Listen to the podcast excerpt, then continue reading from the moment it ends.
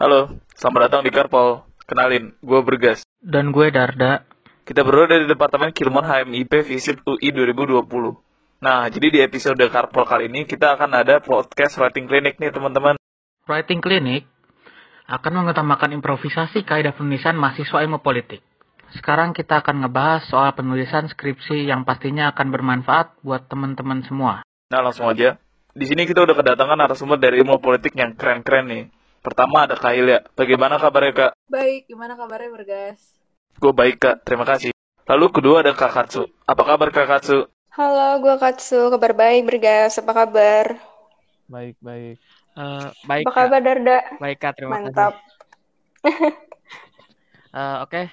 langsung aja kita mulai. Uh, dari Kahilia dulu. Uh, Kahilia boleh cerita sedikit gak soal isi skripsinya kakak itu seperti apa? Oke, okay.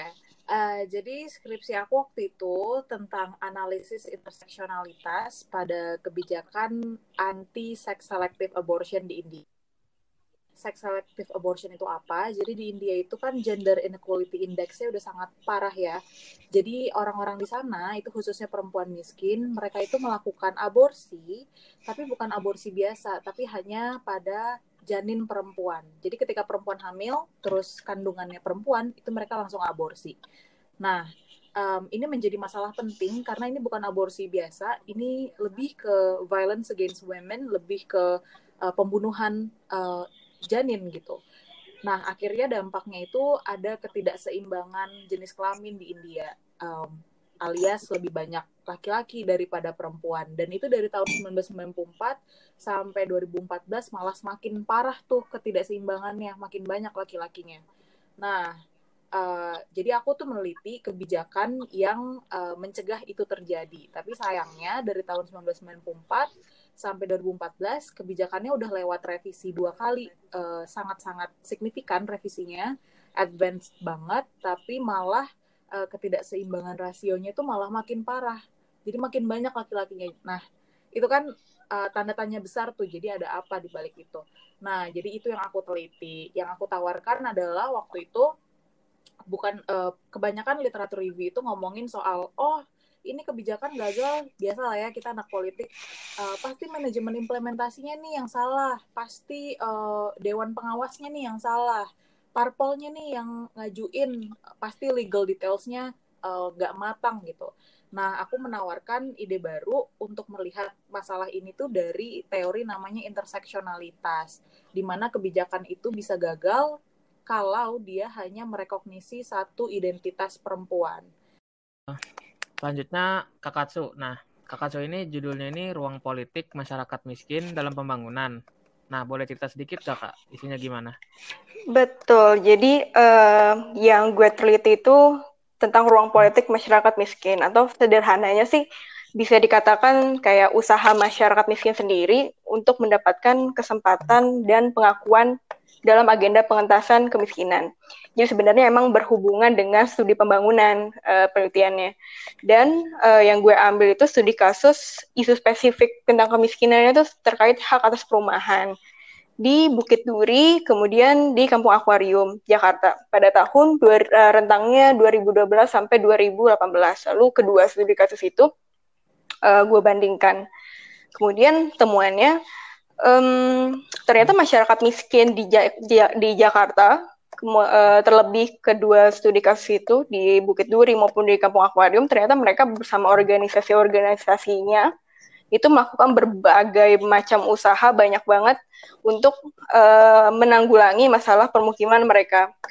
Uh, masalah-masalahnya itu mereka hadapi gitu ya dengan berbagai cara, berbagai usaha, mau dari saluran institusional, misalkan mereka coba berembuk untuk mikir kayaknya kami mau mengajukan desain perkampungan sendiri deh. Terus kemudian juga ada praktik sosial di mana mereka menentang penggusuran pada tahun 2016 uh, eh, ke pengadilan dan sebagainya. Bahkan mereka sendiri udah uh, sampai membentuk wacana atau diskursus untuk melawan hegemoni wacana yang ada. Misalkan uh, terkait apakah emang rusun itu sebuah solusi yang tepat, ternyata banyak banget uh, miss-nya terkait dengan ruang-ruang sosial yang ada gitu sih. Nah, sebenarnya ada ada hubungannya juga nih kalau sempat rame-rame di Twitter lihat ngebahas tentang kemiskinan struktural, terus kayak uh, pada bilang dengan argumen ya masyarakat miskin karena kurang usaha. Sebenarnya kalau di skripsi gue, ini masyarakat miskin banyak banget usahanya ternyata kayak gitu sih. Baik, terima kasih kak. Uh, Ailia kemarin milih topik dan temanya gimana ya kak? Kok uh, apa terinspirasi untuk memilih analisis tersebut? Oke, okay. um, jadi pertama ini mungkin bisa jadi tips juga ya. Uh, menurut aku dari skripsi itu uh, kita sebagai mahasiswa ilmu politik uh, harus kalian memproyeksikan apa hubungan skripsi kita dengan uh, karir yang mau kita tuju setelah wisuda gitu. Jadi kira-kira yang kita yang kita incer karir pasca kampusnya itu gimana dan akan lebih baik jika itu berhubungan dengan skripsi kita. Jadi ketika kita lulus uh, kita jadi SIP itu udah punya modal lebih dan punya pembeda dari yang lain. Nah, aku sengaja milih uh, topik di India itu karena topik uh, gender inequality di India itu kan sangat parah ya, menjadi perhatian perhatian hmm. banyak sekali NGO, IGO, ya intinya uh, masih banyak masalah yang unresolved di sana soal gender equality. Dan aku pilih spesifik lagi sex selective abortion karena memang ini sudah dikerjakan oleh NGO, oleh NGO sejak lama banyak sekali, tapi hampir tiga dekade belum selesai-selesai juga. Nah, uh, jadi waktu itu aku milihnya karena pengen um, kerja di lembaga atau ya lembaga yang berfokus di bidang gender juga. Sehingga ketika wawancara itu um, mereka akan lebih tertarik kalau aku punya modal research di masalah gender yang memang belum selesai gitu yang masih rumit banget. Jadi itu itu sih awal awal aku mulai milih India tuh dari situ. Dulu pertimbangannya antara uh, gender wage gap di Amerika uh, dan India tapi aku lebih milih India karena uh, lebih apa ya masalahnya lebih third world country gitu sih jadi lebih uh, banyak yang relevan sama Indonesia. Kira-kira ada suka duka dalam proses pengerjaan skripsinya nggak kak? Uh, suka duka itu udah pasti ada ya. Kalau sukanya ya karena aku memilih topik yang memang passion aku, memang spesialisasi aku dan dan ya memang karir aku ingin didedikasikan di bidang itu jadi secapek apa pun aku ngerasanya bener-bener enjoy dan dan fulfilled gitu uh, ngerjainnya dukanya ya udah pasti susah dan menurut aku uh, karena aku setelah lulus kerjanya juga di bidang research aku sadar bahwa dosen-dosen ilmu politik kita itu demand terhadap penulisan skripsi yang sempurnanya itu cukup tinggi. Jadi kalau ditanya dukanya udah pasti pressure dari dosen itu duka. Duka paling utama. Tapi sebenarnya itu hal yang baik banget. Terus apalagi ya? Duka lainnya nggak um, ada sih kalau dari aku. Kebetulan aku juga Mbak Ana kan pembimbingnya jadi yang paling aku inget dukanya pressure dari beliau sih yang walaupun sekarang aku syukuri banget Uh, kalau kakak tuh gimana kak milih topik dan tema skripsinya? Uh, kalau gue kebetulan hampir sama sih uh, sama Kak Hilya. Jadi uh, dari awal kalau gue punya uh, gue punya ambisi untuk mempelajari lebih jauh tentang studi pembangunan. Nah dari niat itu, dari ambisi itu, mulai dia diarahin uh, pencarian isunya yang lebih spesifik apa. Nah karena yang tadi juga gue udah bilang skripsi gue itu uh, sebenarnya memadukan ilmu politik dan studi pembangunan. Kebetulan di ilmu politik eh di departemen kita itu kan sebenarnya ngomongin pembangunan cuma dari perspektif negara, kekuatan negara. Itu pun di matkul wajib perbandingan politik semester 4. Nah, sedangkan studi kasus eh enggak, studi pembangunan yang gue maksud di sini tuh isu kemiskinannya gitu. Jadi abis itu gue coba literatur review, banyak belajar tentang development studies uh, dari aspek ekonomi, sosiologi dan lain-lain. Terus dari situ, ya udah gue baca-baca dari gue coba cari literatur dari institusi riset kayak IDS sampai kayak kampus-kampus yang punya jurusan development studies tuh gue baca bacain semua publikasinya tentang development studies sehingga akhirnya uh, gue dapat menemukan satu jurnal yang membahas pengentasan kemiskinan, tapi bisa dilihat juga sebagai proyek politik uh, juga. Itu sih. Sama kayak tadi juga, uh, kakak su suka dukanya ada nggak kira-kira pas nulis ini? Hmm, gue mulai dari dukanya dulu lah ya. Jadi kalau konteks gue dan teman-teman gue kan sebenarnya mengerjakan skripsi ini di tengah pandemi virus corona ya kemarin dari bulan Maret. Itu terlebih mungkin terutama bagi yang peminatan PDI sebenarnya kami juga harus ambil data primer berupa wawancara atau observasi lapangan. Jadi pada saat bulan Maret uh, saya dan teman-teman tuh kayak lagi di masa ketidakpastian bisa nggak sih ini turun lapangan atau enggak? Atau tadinya gue gue sendiri sempat optimis kayaknya bulan Mei kelar deh. Oh ternyata sampai sekarang juga nggak kelar kelar jadi akhirnya ada imbauan untuk segala pengambilan data penelitian itu akhirnya harus dilakukan melalui telepon ataupun online gitu. Jadi dari situ dukanya ya udah harus ubah strategi, harus ubah timeline. Terus yang tadinya punya ekspektasi turun lapangan bakal seru, bakal banyak inspirasi maupun pengalaman, akhirnya nggak bisa dilakuin sih gitu kalau untuk dukanya kayak itu sih mungkin terberatnya bagi yang lulus genap 2020 uh, eh, kemudian untuk sukanya saya uh, gue cukup senang proses eksplorasi idenya sih. Jadi bisa uh, dalam arti itu memikirkan pemikiran sendiri dan akhirnya punya waktu untuk mengembangkan ide-ide yang terejawantahkan di penelitian sendiri gitu.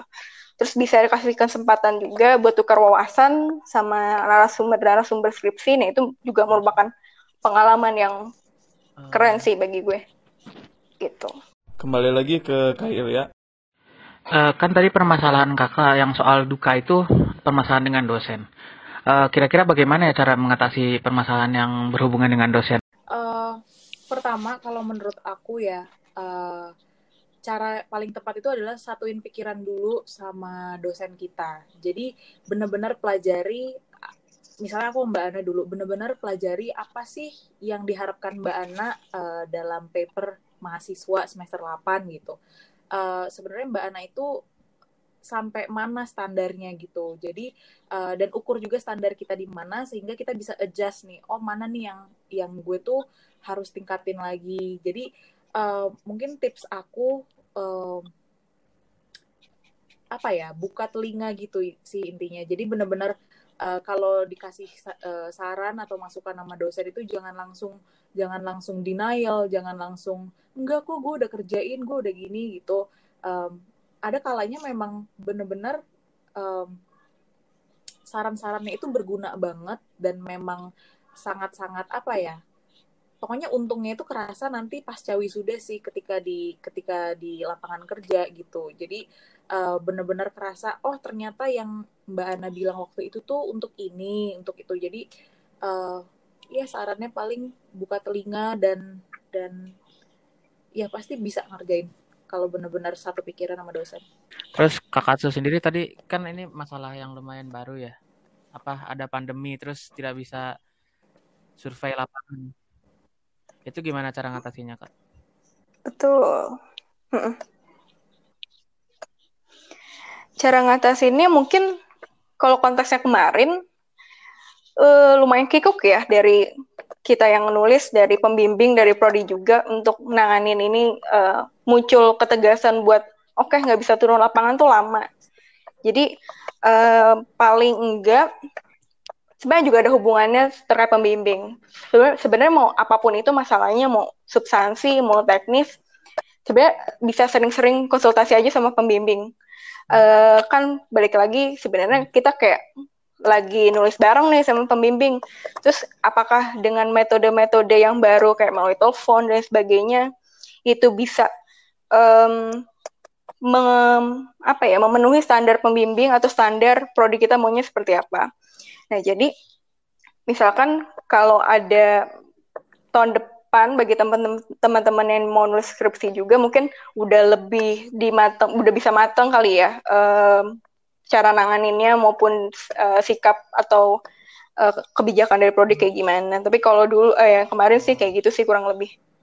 Oke. Uh, boleh sharing dikit gak sih Kak soal ini apa aja yang diperhatiin dalam pengerjaan skripsi itu?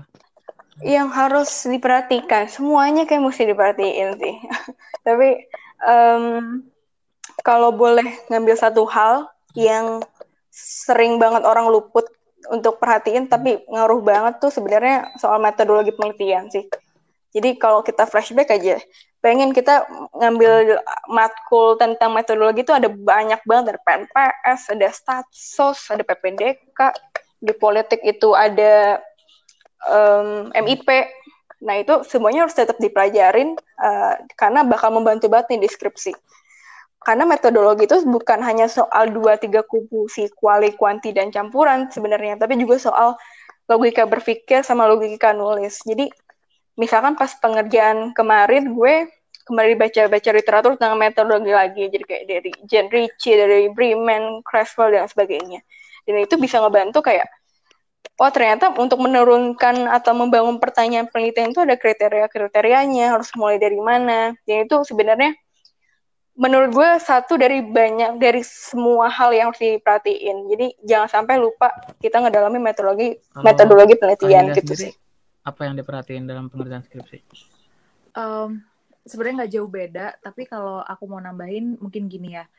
Menurut aku rumus paling utama uh, buat mahasiswa ngerjain skripsi itu, apalagi di ilmu politik kita ya, hmm. paham banget apa sih maksudnya kerangka alur berpikir Nah, jadi uh, dan itu tuh nggak bisa dipahamin dalam satu malam gitu. Jadi emang harus bener-bener sering latihan, sering sering baca, terus bahkan Betul. aku tuh dulu bikin mind map tuh udah banyak banget kertas terbuang bikin mind map sampai dapat research question yang yang kokoh gitu.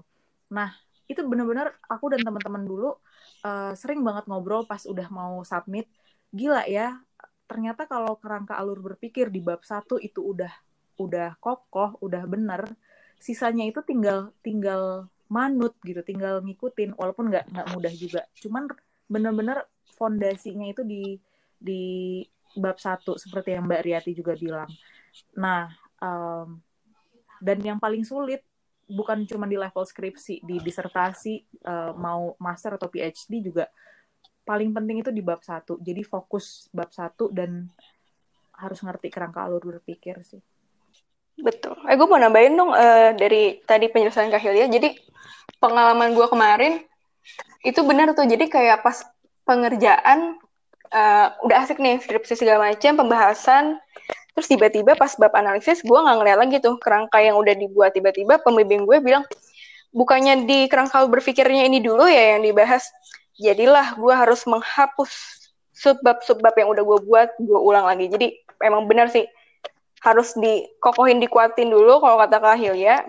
Nah itu yang harus ditanam di kepala. Jadi dari awal sampai kesimpulan tuh memang serunut itu alurnya gitu. Kak, ada personal experience di mana hal yang udah dipelajarin di kelas itu ngebantu proses pengerjaan skripsi kakak nggak? Dan cara ngaitin teori yang udah dipelajarin dengan bahasan yang kita tulis gimana ya kak? Terima kasih. Oke, uh, eh, ada banyak banyak kasus sih ya. Jadi ada yang teman-teman aku tuh emang kebetulan dia ngerjain makalah dengan niat gitu. Terus dia nemuin teori yang memang layak untuk uh, dijadikan pisau analisis. Ya udah dia dalemin lagi, uh, dia pelajarin dan akhirnya jadi skripsi itu ada aja yang kayak gitu. Tapi banyak banget orang yang baru kenal teori tersebut juga baru pas mulai ngerjain skripsi gitu. Nah, kalau ditanya gimana sih cara ngaitin pengalaman kita di kelas gitu ya dengan penulisan skripsi. Menurut aku sih um, pengalaman-pengalaman kita di kelas itu cuma bisa ngebantu kita mendapatkan gambaran atau sudut pandang sebagai scholar ilmu politik. Maksudnya apa? Ya jadi perspektif kita tuh perspektif ilmu politik. Misalnya ketika ada masalah yang gagal nih, masalah misalnya apa sungai bocor di desa X gitu uh, yang pengalaman-pengalaman kita di kelas itu uh, membantu kita untuk narik analisisnya itu cabangnya jadi oke okay, siapa nih yang ngelola uh, sungai bocor ini kelurahan kelurahan siapa yang merintah? Oke okay.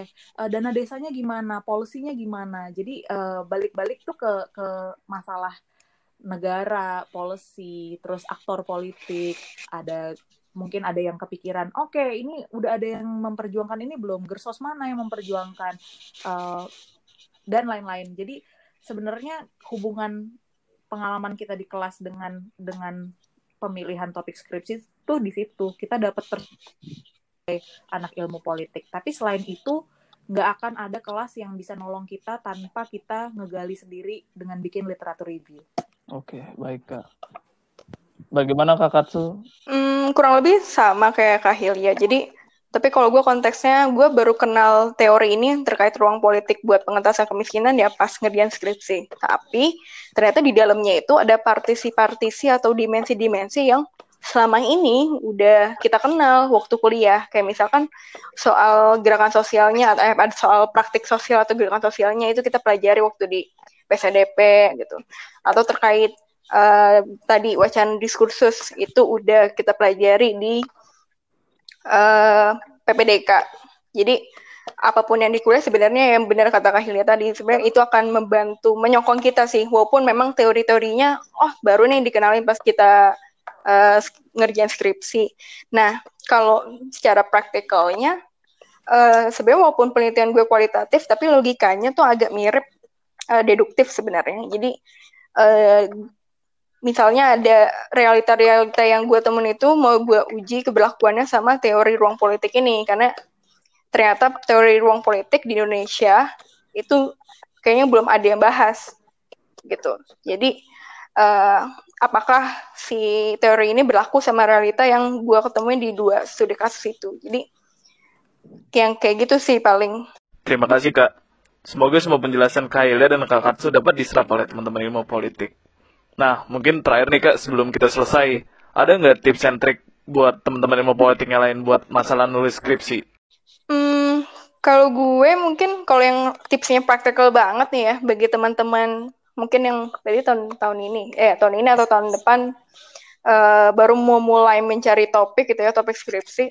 Sebenarnya biar mempermudah coba aja bikin visualisasi pakai tabel aja dulu gitu di Excel. Misalnya kayak topik besarnya apa subtopiknya apa studi kasusnya apa aja nih di dunia ini yang pernah bahas terus masalahnya kira-kira apa. Misalnya kayak ya udah topik besarnya taruh aja tuh nama-nama matkul kita. Ya udah misalnya perempuan politik oke subtopiknya soal uh, representasi yaudah studi kasusnya mau apa di mana kayak di Rwanda segala macam masalahnya apa dan lain sebagainya. Tapi intinya kalau soal topik pilihlah topik yang benar-benar kita suka lo pada suka sih. Atau paling banter tuh ya udah mau mau menjawab pertanyaan-pertanyaan apa yang selama ini dibingungin gitu. Mungkin nggak praktis sih maksudnya kayak siapa tahu jadinya susah uh, susah lulus, susah nyari pembimbing, tapi percayalah pasti ada jalannya kok. Uh, dan tidak ada tidak ada nikmat paling sungguh kalau kita bukan menyelesaikan masa studi kita dengan tugas akhir uh, yang benar memang memang beneran kita suka atau memang beneran uh, berasal dari hati dan pikiran kita. Terus mungkin yang terakhir kalau ngomongin soal hal-hal teknis uh, struktur penulisan itu juga nggak kalah penting dari substansi sebenarnya. Karena baik lagi kita nulis tuh buat dibaca sama orang. Kita pengen up, pemikiran kita tuh kayak udah enam bulan atau setahun udah kita tulis sampai sampai menangis gitu sampai berdarah-darah tuh pengen dibaca kan sama halayak yang lebih luas. Nah jadinya uh, penulisan bikin struktur kalimat yang efektif segala macam itu juga penting. Sama uh, ketentuan teknis macam ya page formatting juga penting apa sih yang diminta sama UI karena baik lagi itu itu bagian satu satu bungkusan dah dari skripsi kalau, kita gitu. Kalau nambahin mungkin akhirnya mungkin mau nambahin uh, maksudnya lebih lebih step by step gitu. Uh, pertama, aku setuju dengan Katsu tadi bikin bikin boleh di Excel, boleh di mind map di notebook biasa. Tapi uh, yang mungkin orang tuh bingung suka kayak gini nih. Misalnya bilang, "Kak, gue mau masalah representasi politik di Irlandia, Kak." Udah gitu. Tapi gue bingung, Kak, mau apa lagi. Nah, terus mereka nanya-nanya ke senior gitu kan, yang sebenarnya uh, gak bisa ada yang ngasih jawaban, dia bisa neliti judulnya tuh apa selain dia gali sendiri dan stepnya itu jangan langsung ke jurnal menurut aku karena nanti bakal langsung pusing. Baca-baca aja dulu eh, berita-berita di Irlandia gitu, berita lokalnya. Lihat dulu situasinya. Ini negara nih kenapa sih, lagi gimana dinamika politiknya.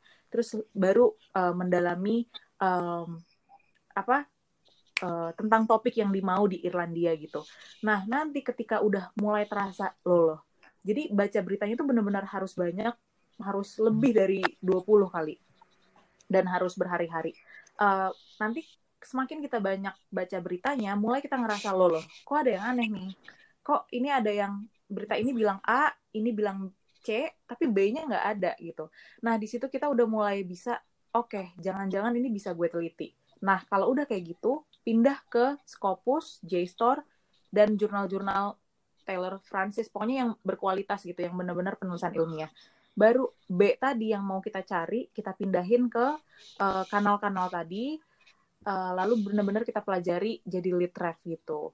Nah, um, itu satu. Terus yang kedua, um, ini bukan tips kali ya, tapi mungkin mengingatkan aja bahwa kalau kita benar-benar sekali lagi kalau di fisip UI ya dengan standar penulisan yang menurut gue oke okay banget kalau kita benar-benar ikutin atau totalitas ngerjain skripsi dengan standar fisip UI menurut gue pasti kita lulus itu jadi scholar yang lebih intelek jauh dari sebelumnya. Karena benar-benar diajarin problem solving yang luar biasa. Karena kan kerangka alur berpikir yang runut itu nanti kerasa di dunia kerja itu untuk problem solving untuk masalah apa pun. Terus uh, masalah standar penulisan juga. Biasanya orang kalau selesai skripsi cara nulisnya lebih rapi, cara ngomongnya lebih tertata. Jadi nggak ada ruginya untuk menjalani skripsi. Setuju, setuju. Baik. Uh, terima kasih Kak Ilya dan Kak Katsu uh, udah bersedia jadi narasumber kami di writing clinic pertama kami. Uh, Semoga luck, sukses. Oke, okay, terima kasih semuanya. Terima kasih. Best of luck juga buat kalian. Amin, terima kasih. Terima kasih udah dengerin podcast Carpol dengan writing klinik pertama ini. Sebagai penutup, In Politics, we, we trust. trust.